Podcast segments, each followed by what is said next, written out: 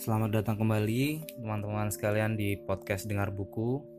Kali ini kita sudah menginjak ke part ke-6 dan kembali saya di sini Fajar Wahyu akan membacakan kelanjutan dari buku Kurniawan Gunadi yang berjudul Hujan Matahari. Baiklah, selamat mendengarkan. Harap. Apa yang diharapkan hujan ketika jatuh ke bumi?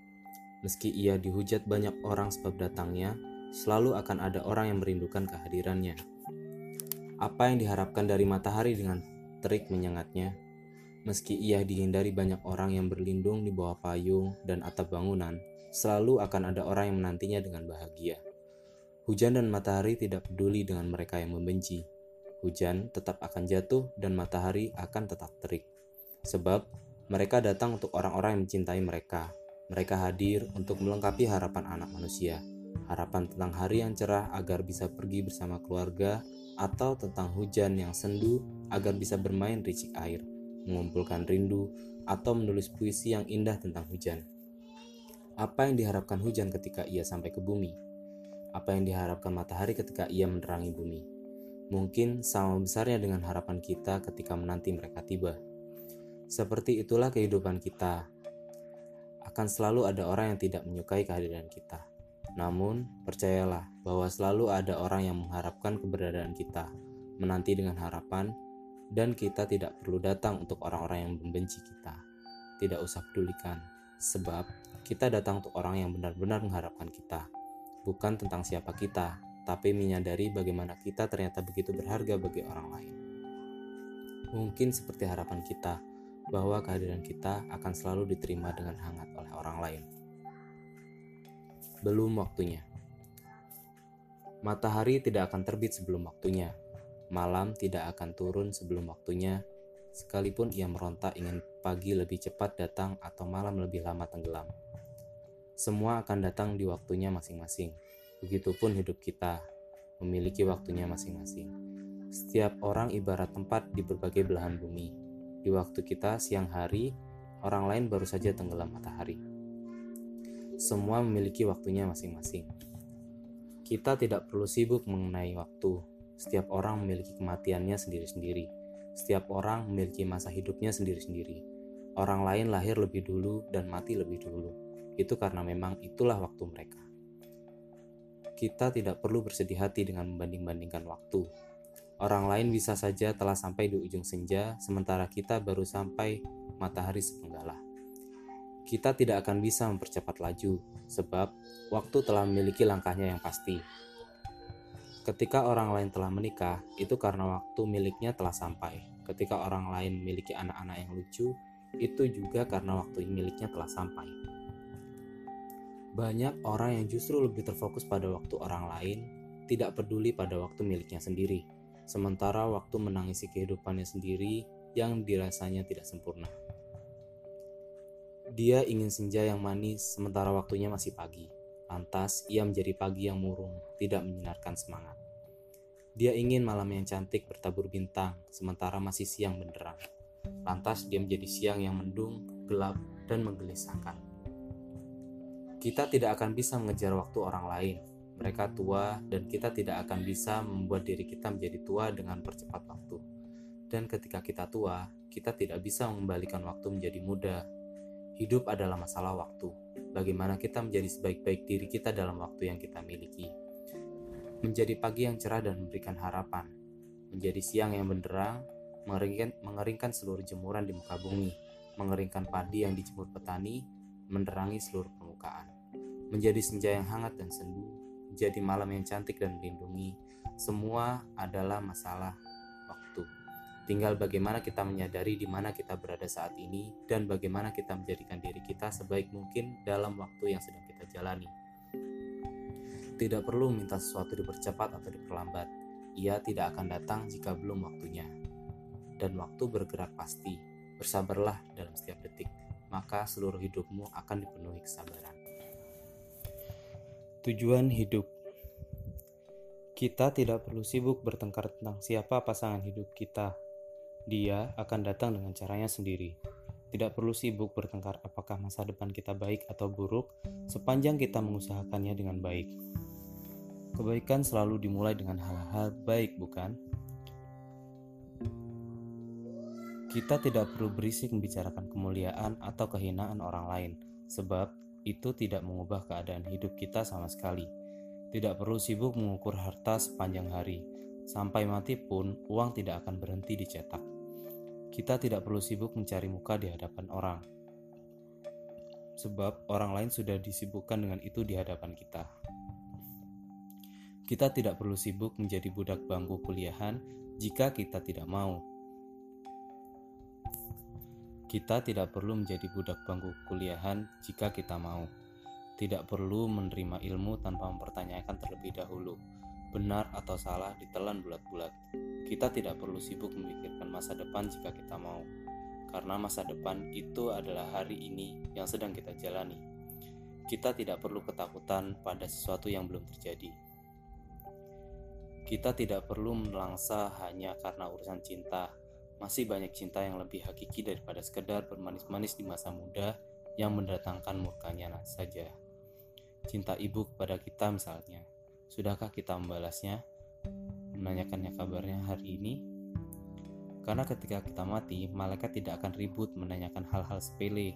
Tidak akan ia tanyakan siapa pacarmu atau mengapa kau mengisi masa mudamu dengan kesedihan yang tidak penting-penting amat. Sesuatu yang kita ributkan berhari-hari, bahkan bertahun-tahun, bisa jadi sesungguhnya tidak penting.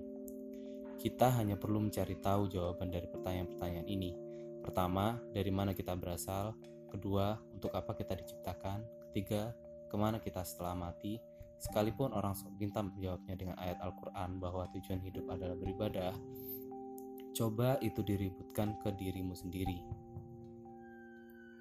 Benarkah itu menjadi tujuan hidupmu? Bukankah kamu ingin kaya, ingin sukses, juga ingin punya ini dan itu? Kamu ingin ketenaran dan apa pun itu yang selama ini menghantui pikiranmu.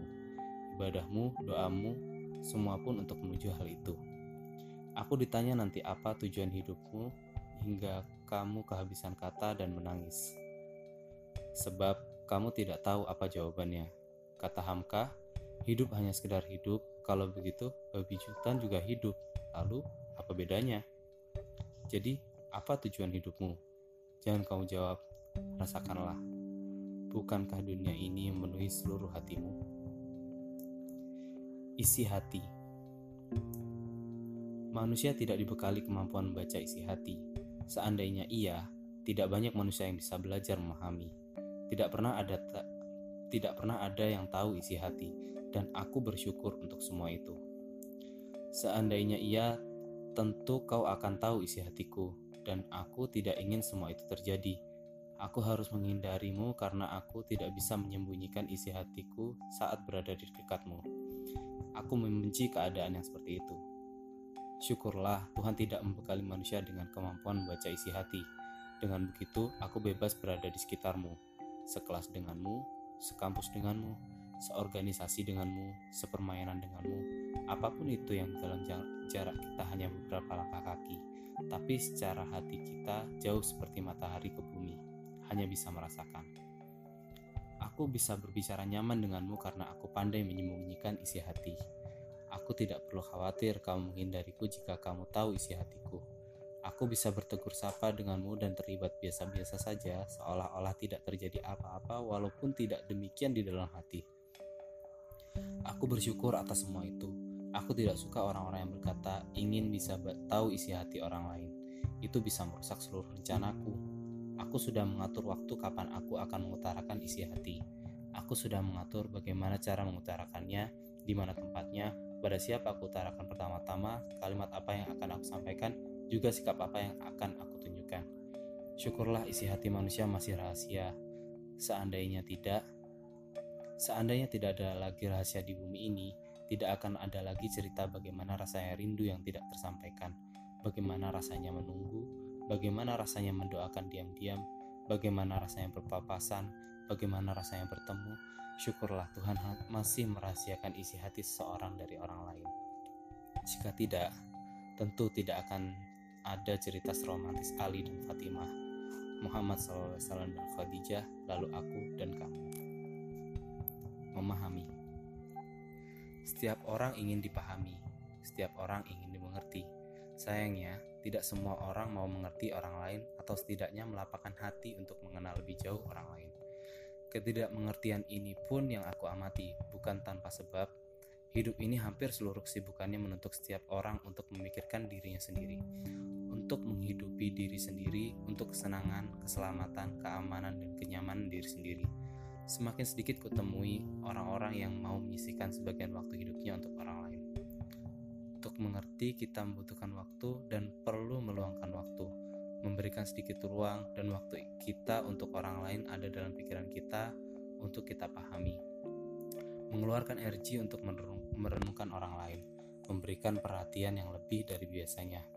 Semakin lama orang selalu menuntut untuk dipahami, padahal tidak ada orang yang bisa membaca pikiran orang lain. Lalu orang pun malas berkata-kata, menyampaikan sesuatu kepada orang lain yang dimaksud. Mereka lebih senang menulis cacian dalam 140 karakter. Memahami itu berarti melapangkan hati, menerima bahwa setiap orang akan hadir dengan karakternya masing-masing dan tidak semua karakter itu berpasangan. Kita tidak akan selalu cocok dengan orang lain, tapi kita bisa mengusahakan bekerja sama. Kita tidak akan selalu suka dengan karakter orang lain, tapi ketidaksukaan itu tidak lantas membuat kita menjelek-jelekannya. Memahami adalah sebuah proses yang panjang. Seorang suami istri bahkan akan melakukan proses memahami ini sampai mereka mati. Tidak ada orang yang benar-benar bisa memahami orang lain yang ada adalah seberapa lapang hatinya untuk menerima kehadiran orang lengkap dengan karakternya itu dalam hidupnya. Semakin lapang hatinya, maka semakin bisa menerima keadaan orang lain dan memberikan ruang yang lebih luas untuk orang lain bergerak dalam hidupnya. Sebab itu, kalaupun saat ini kita merasa ada orang lain yang memahami kita, sejatinya orang itu memiliki hati yang lapang untuk menerima kita di sana. Memahami adalah sebuah proses penerimaan Bagiku seperti itu. Ikut campur. Dalam diskusi pagi ini dengan seorang teman, aku mendapatkan satu pemahaman baru yang menarik tentang ikut campur. Aku percaya bahwa setiap orang memiliki proses hidupnya yang berbeda, dan proses hidup itulah yang akan membentuk seseorang dan proses hidup itulah yang akan membentuk seseorang. Aku percaya bahwa setiap orang berhak untuk memiliki pengalamannya masing-masing atas apa yang terjadi dalam hidupnya, tanpa intervensi pihak mana pun yang membuat proses itu menjadi rusak. Allah memberikan masalah-masalah kepada setiap orang agar mereka belajar. Ada orang lain yang melihat masalah itu pun belajar. Dan orang lain yang melihat masalah itu pun belajar. Seringkali aku, mungkin juga kita semua, ingin ikut campur dalam masalah lain, masuk ke dalamnya, dan memberikan alternatif-alternatif keputusan yang sebaiknya dia pilih. Bahkan kadang memaksakan agar dia mengambil keputusan seperti yang kita sarankan. Aku belajar hari ini bahwa sikap ini tidaklah bijaksana. Biarkanlah orang lain peroleh proses belajarnya dan pengalaman hidup itu dengan lengkap. Tidak baik jika kita memberikan keputusan-keputusan untuk diambil. Sejauh mana kita bisa ikut campur masalah orang lain adalah ketika orang itu mengizinkan kita masuk dan mengizinkan dan mengizinkan kita untuk mengintervensi ataupun meminta alternatif pendapat kita. Kita tidak bisa memaksakan pendapat kita tentang suatu masalah Izinkanlah dan berikanlah ruang kepada orang lain untuk memilih keputusannya sendiri, bukan kita yang memutuskan perkaranya. Jika orang lain tidak mengizinkan kita masuk, sekesal apa pun dan segemas apa pun kita ingin ikut campur, tahanlah. Kita sendiri pun juga mengalami masalah sering kali tidak ingin ada orang lain yang ikut campur. Setiap orang berhak memiliki dan mengalami proses hidup yang lengkap. Keikut campuran kita kadang merusak proses itu memotong proses itu dan membuatnya jadi tidak lengkap, mengakibatkan orang lain tidak memperoleh pengalaman emosi yang baik. Akibatnya, ketika seseorang tidak belajar apa pun dari suatu masalah, biasanya Allah akan mengulang masalah itu kepada orang yang sama. Seperti ujian kuliah saja. Jika kita tidak lulus satu masa, mata kuliah, kita akan mengulangi mata kuliah dan ujian itu lagi. Biarkanlah orang lain lulus dan dalam ujian hidupnya. Kita sebagai teman ataupun orang yang dekat jadilah orang yang mendukung jika seseorang itu tidak mengizinkan kita masuk, maka jangan memaksakan untuk masuk. Ketika orang lain itu tiba-tiba membutuhkan kita dan mengizinkan kita, maka masuklah ke dalam masalahnya dengan cara yang baik. Kadang kita menjadi perpanjangan tangan Allah untuk menyampaikan sesuatu ke dalam hidup seseorang dalam waktu dan momen yang tepat. Jika itu belum, tahanlah diri. Setiap orang memang memiliki ujian hidupnya masing-masing. Iman pun akan diuji. Keyakinan, impian, idealisme, semuanya akan diuji dengan masalah untuk mengetahui sejauh mana keyakinan dan kekuatan seseorang terhadap apa yang dia yakini itu. Biarkanlah setiap orang memiliki pengalaman emosi yang lengkap. Biarkan seseorang memilih memilih keputusannya sendiri. Sebagaimana teman yang baik, sebagai teman yang baik, siapkan diri kita kapan pun dia membutuhkan. Sejauh dia belum memanggil kita, perhatikanlah dan belajarlah dari masalah yang sedang dihadapi. Aku yakin orang dengan masalahnya dihadirkan oleh Allah ke kehidupan kita bukan tanpa maksud, bukan pula untuk menjadi bahan pergunjingan, melainkan untuk bahan kita belajar tentang kehidupan ini. Sejauh mana kita semua paham akan hal ini akan membuat kita semua menghadapi hidup lebih bijaksana, baik dalam bersikap maupun mengambil keputusan. Blackboard dan whiteboard dalam analogi. Ada sebuah analogi bagus yang aku pikirkan barusan. Dalam dunia visual, papan hitam, blackboard dengan kapur putih menjadi media pembelajaran jauh lebih nyaman dilihat daripada papan putih, whiteboard dengan spidol hitam. Mata akan lebih rileks melihat sesuatu dengan latar belakang hitam. Latar belakang hitam juga lebih menghemat energi jika diterapkan pada sebuah perangkat elektronik sehingga mata tidak cepat lelah karena pancaran energi yang lebih sedikit. Kita akan kesulitan melihat matahari karena energinya yang begitu besar ditambah energi di sekelilingnya yang juga besar tapi ketika malam, kita tidak akan kesulitan melihat bulan karena energi sekelilingnya lebih kecil atau langit gelap. Itu adalah pembuka cerita ini. Papan hitam dan papan putih adalah sebuah analogi untuk seseorang. Kita bisa melihat seseorang dari sudut pandang itu. Apakah kita melihatnya seperti sebuah blackboard atau whiteboard? Tanyalah anak-anak, ketika sebuah kapur putih digoreskan pada papan hitam, apa yang dia lihat? Sebuah goresan berwarna putih. Fokus mata anak-anak akan tertuju pada goresan kapur itu. Sama halnya ketika sebuah spidol hitam digoreskan pada papan putih, maka goresan itu yang akan jadi fokus mata mereka. Seperti itulah yang sering kita lakukan ketika melihat orang lain, melihat kebaikannya ataupun melihat keburukannya. Kita akan analogikan pada papan putih dalam adalah kita akan analogikan bahwa papan putih, papan hitam adalah seluruh masa kelam dari seseorang tetapi ketika kita bisa melihat sedikit goresan putih dari orang tersebut, kita akan berfokus pada kebaikan dari orang tersebut. Lain halnya ketika kita melihat seorang dengan papan putih, sebanyak apa pun kebaikannya, yang akan kita lihat adalah goresan hitam yang ada pada papannya. Dari sudut pandang mana kita bisa kita melihat seseorang akan sangat menentukan pikiran dan sikap kita kepada orang tersebut. Ajarkanlah kepada hati kita untuk melihat kebaikan orang lain terlebih dahulu, seburuk apa pun hal di belakangnya. Setiap orang memiliki kesempatan yang sama untuk memperbaiki diri.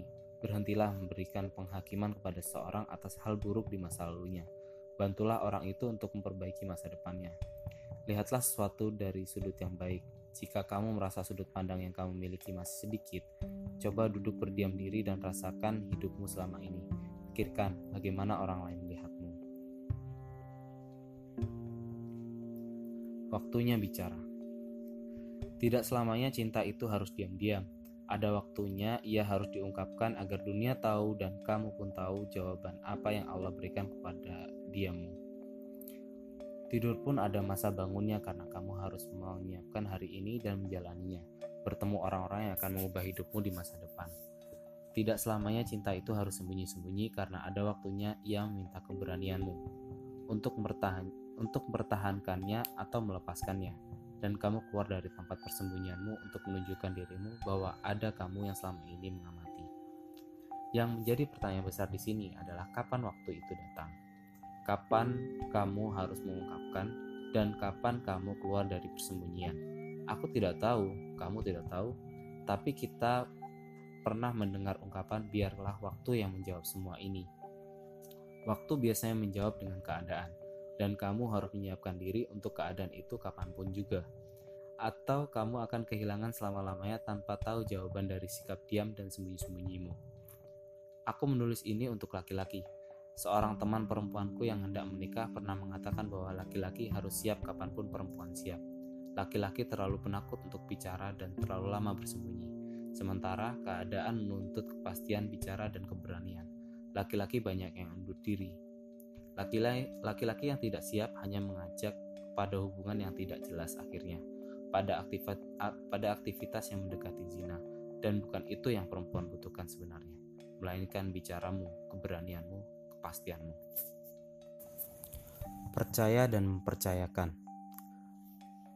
Pada sore beberapa hari yang lalu, ketika aku duduk di selasar hijau Masjid Salman untuk menunggu azan maghrib, aku menyaksikan orang-orang memberikan sepatu-sepatu mereka ke petugas penitipan.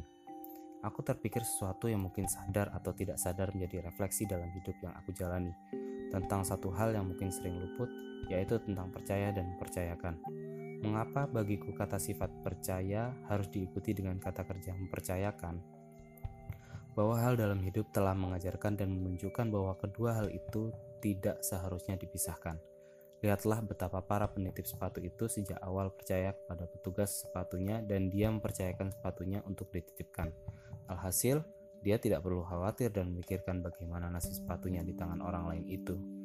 Ada sikap mempercayakan yang membuatnya yakin bahwa barang yang dia titipkan akan baik-baik saja. Dalam konteks hubungan manusia dengan Allah sebagai maha sebagai Maha Pencipta, hal ini menjadi sebuah renungan yang baik. Banyak di antara kita masih sebatas percaya kepada Allah, tapi tidak mempercayakan hidup kita kepadanya. Kita mempertanyakan dan mengkhawatirkan banyak hal dalam hidup yang sebenarnya, apabila kita mampu mempercayakan hidup kita kepadanya, kita akan baik-baik saja dan kita akan selamat. Mengapa aku berani mengatakan bahwa banyak orang yang percaya kepada Allah tapi tidak berani percayakan? Lihatlah betapa banyak orang yang sangsi tentang masa depannya, mengenai urusan jodoh misalnya. Orang baik tentu akan bertemu dengan orang baik pula, namun sedikit yang percaya mengenai hal itu. Maka ramailah orang-orang ber tersebut bermain perasaan dengan berdekat-dekat secara intens kepada orang lain atau pacaran. Ketakutan tentang kalau tidak begitu pacaran nanti tidak tidak dapat dapat jodoh. Ini pikiran masyarakat umum. Ya, kita percaya kepadanya, tapi kita tidak bisa mempercayakan hidup kita kepadanya. Pun dalam urusan lain-lain yang begitu banyak dalam hidup ini, kita baru pada sebatas percaya kepada Allah, percaya bahwa Dia ada. Namun kita banyak mempertimbangkan ketika kita mempercayakan hidup kita kepadanya. Banyak kekhawatiran, banyak asumsi, banyak spekulasi dan banyak syarat yang kita buat. Ketika apa yang Allah berikan ternyata tidak sesuai dengan harapan atau ekspektasi kita, maka kita mulai mundur satu langkah dari sikap mempercayakan ini dan berakibat pada turunnya tingkat kepercayaan kita kepadanya dalam hal-hal yang lain. Mari kita sama-sama mengkoreksi diri jika kita sudah mengakui percaya kepada Allah. Sejauh mana kita bisa mempercayakan hidup kita ini di tangannya, tentang masa depan kita, tentang jodoh kita, tentang hal-hal tentang hal-hal yang sampai saat ini mengganggu pikiran kita dan membuat kita tidak tenang menjalani hidup. Kita bayangkan dalam cerita di atas, seandainya para pemilik sepatu sudah menitipkan barangnya dan ternyata tidak memiliki sikap mempercayakan sepenuhnya, bisa jadi ketika sholat, dia tidak akan khusyuk karena terus memikirkan sepatunya. Apakah tidak apa-apa? Apakah tidak akan dibawa oleh orang tadi? Apakah tidak dirusak? Bagaimana jika lecet? Atau bagaimana jika hilang? Kekhawatiran, kekhawatiran kita dalam hidup mirip seperti itu. Sudahkah kita mempercayakan hidup kita kepada Allah dan sejauh mana kita sudah berikhtiar untuk hidup kita. Allah menjamin banyak dalam hal dalam hidup dan kita diminta untuk berikhtiar dengan sebaik-baiknya. Ketika kamu percaya untuk menitipkan sepatumu dan kamu menitip memiliki sikap mempercayakan, penjaga sepatu akan senang dan dia sangat ingin kamu bisa sholat dengan khusyuk dan tenang tanpa memikirkan tentang sepatumu sama sekali. Sholatlah dengan tenang, aku akan menjaga sepatu ini dengan baik serta menjaminnya aku akan berikannya jika kamu sudah selesai sholat. Mungkin seperti itu bahasa yang dikatakan oleh penjaga sepatu. Allah akan memberikan jawaban-jawaban atas sikap mempercayakan kita kepadanya. Allah, menyukai hambanya yang berserah diri. Berserah diri adalah bentuk kata lain dari mempercayakan hidup sepenuhnya tanpa keraguan sedikit pun pada sesuatu yang kita percayai ikhtiarkan hidup kita sebaik-baiknya dan titipkan hidup ini kepadanya. Hingga pada suatu saat, kamu benar-benar bisa mengatakan, Aku telah mempercayakan hidupku kepada Allah dan aku tahu dia adalah sebaik-baiknya penjaga dan sebaik-baiknya dalam menepati janji. Mencintai kehidupannya.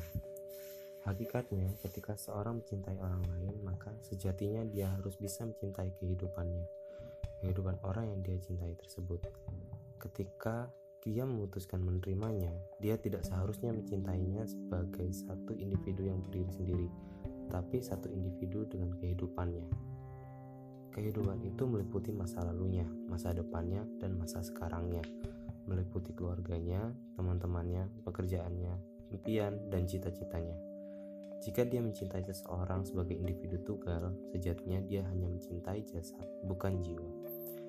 Kenyataan di kehidupan berkata lain, banyak yang mencintai seseorang tetapi sulit menerima masa lalunya, sulit menerima bagaimana kondisi keluarganya, sulit menerima pekerjaannya atau profesinya, sulit menerima apa pun selain dirinya, sebagai seseorang yang terlepas dari semua itu. Akibatnya, banyak yang kemudian sibuk menyembunyikan masa lalu, rendah diri dengan pekerjaannya, tidak mau mengenalkan keluarga yang mungkin dianggapnya tidak berada atau tidak baik, rusak, broken home, atau apa pun yang menurutnya bisa membuat orang lain enggan dekat dengannya. Mencintai seseorang adalah mencintai lengkap dengan kehidupannya. Sang Muhammad SAW pun mengisyaratkan memilih kriteria agama, itu adalah isyarat yang sangat baik karena apabila seorang memegang teguh agamanya, kehidupannya yang lain akan menjadi baik sebab tuntutan tuntunan agama yang menjadi pegangannya. Sebagai manusia, ketika memilih seorang, lihatlah dia sebagai seorang manusia yang lengkap dan lebih manusiawi. Masa lalunya, impiannya, dan lain-lain. Sesungguhnya orang yang belum baik itu bisa diperbaiki. Aku khawatir ketika seseorang mengamalkan saran Nabi yang baik itu dengan satu sudut pandang saja, akan sangat banyak kehidupan yang mungkin tidak bisa diselamatkan. Ketika ada satu laki-laki saleh mau memperbaiki agama seorang perempuan yang belum baik, akan ada satu kehidupan yang terselamatkan. Begitupun sebaliknya. Ini hanya sudut pandang yang lain dan sangat subjektif menurutku sendiri. Mencintai seseorang itu berarti mencintai kehidupannya, Seandainya kehidupan orang itu belum baik, sejauh mana dia bisa menerimanya? Jika masa lalunya begitu kelam, sejauh mana dia bisa melihat masa depannya? Jika hatinya tersesat dalam kehidupan, sejauh mana dia berani mengambil keputusan untuk memimpin? Jika keluarganya tidak begitu baik, sejauh mana dia bisa menerima semua itu? Jika kebiasaan sehari-harinya tidak berkenan di hati, sejauh mana dia bisa meluruskan? Jika agamanya kurang baik, sejauh mana dia bisa mengajarkan? Menerima seorang lengkap dengan kehidupan yang sangatlah sulit. Hal ini tidak akan terjadi dalam proses cinta ala remaja yang penuh kamuflase, di mana seorang hanya memperlihatkan yang terbaik dan menutup rapat-rapat semua keburukan, memperkenalkan yang baik-baik saja dan hanya mau menerima yang baik-baik saja. Maka coba pertanyakan pada diri masing-masing Ketika pun rasa itu masih dipendam dalam diam dan yang sunyi, sejauh mana kamu bisa menerima orang itu lengkap dengan seluruh kehidupannya? Atau jangan-jangan kamu hanya kagum pada kebaikannya tetapi menutup mata pada kehidupan yang lebih luas? Mari kita koreksi masing-masing sejauh mana kita bisa sanggup menerima semua itu. Sikap hidup dalam menjalani hidup ini, akan ada saja kita temui orang yang baik dan menyukai kita, atau orang yang pura-pura baik tapi tidak menyukai kita. Ada pula yang tidak baik dan tidak menyukai kita, pasti ada. Dalam interaksi sosial, manusia memegang memang pandai memanipulasi sikapnya ke orang lain. Dalam hal yang sama, banyak yang menganggapnya tidak penting terutama untuk orang kedua dan ketiga. Orang yang memikirkannya begitu serius, aku sendiri menganggapnya tidak penting biarkan orang lain kelelahan menahan-nahan sikapnya atau ketidaksukaannya kepadaku. Hal itu hanya akan menghabiskan energi jika dilayani. Bisikanlah, bis, biarkanlah mereka sibuk dalam pikirannya sendiri, sibuk dengan asumsinya, dan kita tetaplah menjalani hari ini dengan sebagaimana biasanya, memberikan hal-hal baik dan menjadi orang yang tulus kepada semua orang, berbuat baik kepada semua makhluk hidup. Tidak perlu musingkan sikap orang lain kepada kita, Walaupun kita berbuat baik dalam hidup akan selalu saja ada orang yang tidak suka. Ya, memang seperti itulah hidup. Sampai kapan kita akan mengurusi hal-hal yang tidak begitu penting seperti itu? Biarkan mereka lelah sendiri dan kita tetaplah menjadi pribadi yang terus-menerus berbuat kebaikan. Hilangkanlah rasa pamrih, memberi sesuatu karena ingin dapat sesuatu. Ketulusan bernilai sangat besar dalam membangun sebuah silaturahmi yang baik dan lebih erat. Mari sibukkan diri dengan hal yang jauh lebih bermanfaat daripada memikirkan sikap orang lain kepada kita. Percayalah bahwa sikapnya tidak akan berdampak besar terhadap hidupmu, kecuali kamu mulai membenamkan diri dalam asumsi-asumsi terhadapnya. Akan selalu ada yang suka dan tidak suka, itu pasti. Namun, cara kita menyikapinya menjadi hak mutlak pilihan kita. Jalan pertemuan Seandainya seorang mau sedikit bersabar, sedikit meluangkan waktu dalam diamnya dan memikirkan tentang dirinya sendiri, berpikir mengenai hidup seperti apa yang ingin dia jalani ke depannya, mimpi seperti apa yang ingin diraih, masa tua seperti apa yang ingin dijalani. Ketika proses mengenali diri sendiri itu telah selesai, dia akan mulai sadar partner seperti apa yang sebenarnya dia butuhkan. Maka yang namanya paras yang menawan atau badan yang aduhai seksi atau gagah dan latar belakang alam mater dan keluarga yang kaya atau miskin bukan lagi menjadi persoalan. Ketika telah mengenal diri sendiri, seseorang tidaklah lagi mencari apa yang dia inginkan, namun apa yang sebenarnya dia butuhkan. Hal paling mendasar yang akan membuatnya bertahan hidup di dunia ini hingga segala hal yang menjadi cita-citanya ter terwujudkan. Seringnya ketika orang telah mengenal diri sendiri serta kebutuhannya, partner itu akan datang seiring perjalanannya perjalanannya menuju impiannya karena orang-orang yang memiliki impian yang sama akan bertemu pada jalan yang sama suatu ketika. Pertemuan itulah yang menjadi kejutan. Seseorang tidak perlu keluar dari jalan hidupnya sendiri untuk mencari partner di jalan lain. Justru jalan itulah yang akan mempertemukan mereka. Maka, tetap genggamlah impianmu, berjalanlah terus ke arahnya. Bukalah mata hati, kamu akan mendapati orang-orang yang memiliki impian sama denganmu sedang berjalan di jalan yang sama. Dan kalian akan bertemu pada satu titik, sehingga kalian akan berjalan bersama untuk satu impian yang sama. Jadikanlah impianmu sebagai pemicu pertemuan, bukan keinginanmu untuk mencari teman perjalanan dari awal. Biarkanlah semua mengalir karena pada akhirnya satu titik saja yang akan menjadi tujuan. Sinergi Mengapa orang bisa suka jika tidak mau dikatakan jatuh cinta? kepada orang lain yang bahkan sama sekali belum dikenalnya, hanya karena satu hal yang ada padanya, dan itu menimbulkan kesan yang bisa membuat seorang teringat kepadanya. Daya tarik itu bukan soal rupa, bukan pula soal materi. Aku percaya bahwa energi seseorang itu bisa dirasakan oleh orang lain ketika energi itu benar-benar dikeluarkan. Seperti ketika orang lain bahagia, kita bisa ikut bahagia karena kita merasakan energi kebahagiaan itu. Sementara daya tarik ini adalah energi yang membuat orang lain jadi merasa nyaman, merasa klik atau sejenisnya. Dan energi ini kadang tidak disadari oleh pemiliknya. Hari kemarin aku belajar mengenai ketulusan. Aku belajar bahwa energi ketulusan itu bisa dirasakan oleh orang lain. Ketika seseorang melakukan sesuatu kepada orang lain dengan tulus dan tidak tulus, pasti akan terasa perbedaannya itu salah satu hal yang menjadi seseorang sampai dinilai terlalu baik kepada orang lain. Namun, hal itu tidak menjadi masalah bagi dirinya sendiri karena memang dia mau melakukannya. Mengenai energi ini, aku belajar tentang transfer energi kepada sesuatu yang aku kerjakan.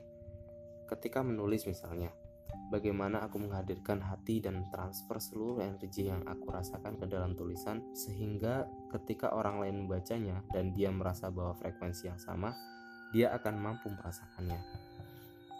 Hal ini pula yang melandasi alasan mengapa ketika kita berkumpul dalam suatu ruangan dengan orang lain, kita tidak merasa nyaman, karena bisa jadi kita tidak bisa merasakan frekuensi energi yang sama dengan orang lain. Ketika kita berada di keramaian dan merasa kesepian, bisa jadi karena kita sedang tidak dalam frekuensi yang sama dengan orang lain. Hal terbaik mengenai pasangan energi Jodoh adalah ketika sinergi, sinkronisasi energi keduanya bukan saling memusnahkan tetapi menghasilkan perkalian energi yang berkali-kali lipat, seperti bom atom. Jadi, ketika kamu bertemu dengan orang lain dan kamu merasa potensi energimu bergerak hingga bisa mencapai titik optimal, aku merasa kamu pasti akan sangat menyayangkan untuk melewatkan orang tersebut berlalu begitu saja. Maka perjuangkanlah dia dengan cara yang baik, karena sinkronisasi perjuang Karena sinkronisasi energi memiliki proses yang jika kamu salah proses bisa jadi menghancurkan salah satu atau justru meniadakan keduanya. Hidup laki-laki Laki-laki betapa sibuknya memikirkan perempuan, sedari bujang sibuk mencari pendamping, yakni perempuan yang baik. Ketika berkeluarga sibuk mencari nafkah demi membahagiakan perempuannya dan anak-anaknya dari lelah-lelahnya bekerja sepanjang siang, kepada perempuan pula dia pulang, kepada pangkuan dan senyum hangat yang menjadi penawar lelah kerja seharian. Melihat bola mata anak-anaknya yang bersinar menyambut dari pintu, berteriak dari balik jendela. Laki-laki, betapa sibuk hidupnya demi perempuan, memastikan seluruh kebutuhan hidupnya terpenuhi, bertanggung jawab atas surga dan nerakanya, seolah-olah hidup adalah memastikan bahwa perempuan baik-baik saja, tidak lecet sedikit pun kulitnya, tidak terlukai sedikit pun hatinya. Lalu ketika perempuan ingin membebaskan diri, laki-laki bingung mencari, karena tidak ada lagi yang bisa dia lindungi. Laki-laki membutuhkan kehadiran perempuan agar keberda keberadaannya berarti. Laki-laki akan tampak kuat jika ada perempuan di dekatnya. Pelindung pun tidak selalu berarti lebih kuat daripada yang dilindungi. Laki-laki memikul tanggung jawab kepada empat perempuan, ibu, istri, saudara perempuan, dan anak perempuan di akhirat. Memastikan bahwa dia telah menjaga keselamatan keempat perempuan tersebut. Di dunia ini, dia memastikan pula keempat perempuan tersebut selamat untuk hidup selanjutnya. Sayangnya, tidak semua laki-laki tahu jika mereka sedang bertugas menjaga empat kehidupan sekaligus. Seandainya tahu, niscaya sangat sedikit waktu untuk bermain-main. Demikianlah tadi pembacaan buku Hujan Matahari di part yang keenam. Semoga teman-teman kembali bisa mengambil hikmah dari setiap cerita yang kami bacakan di sini. Oke, terus support kami dan tunggu episode-episode kami selanjutnya tetap di channel Dengar Buku. Terima kasih.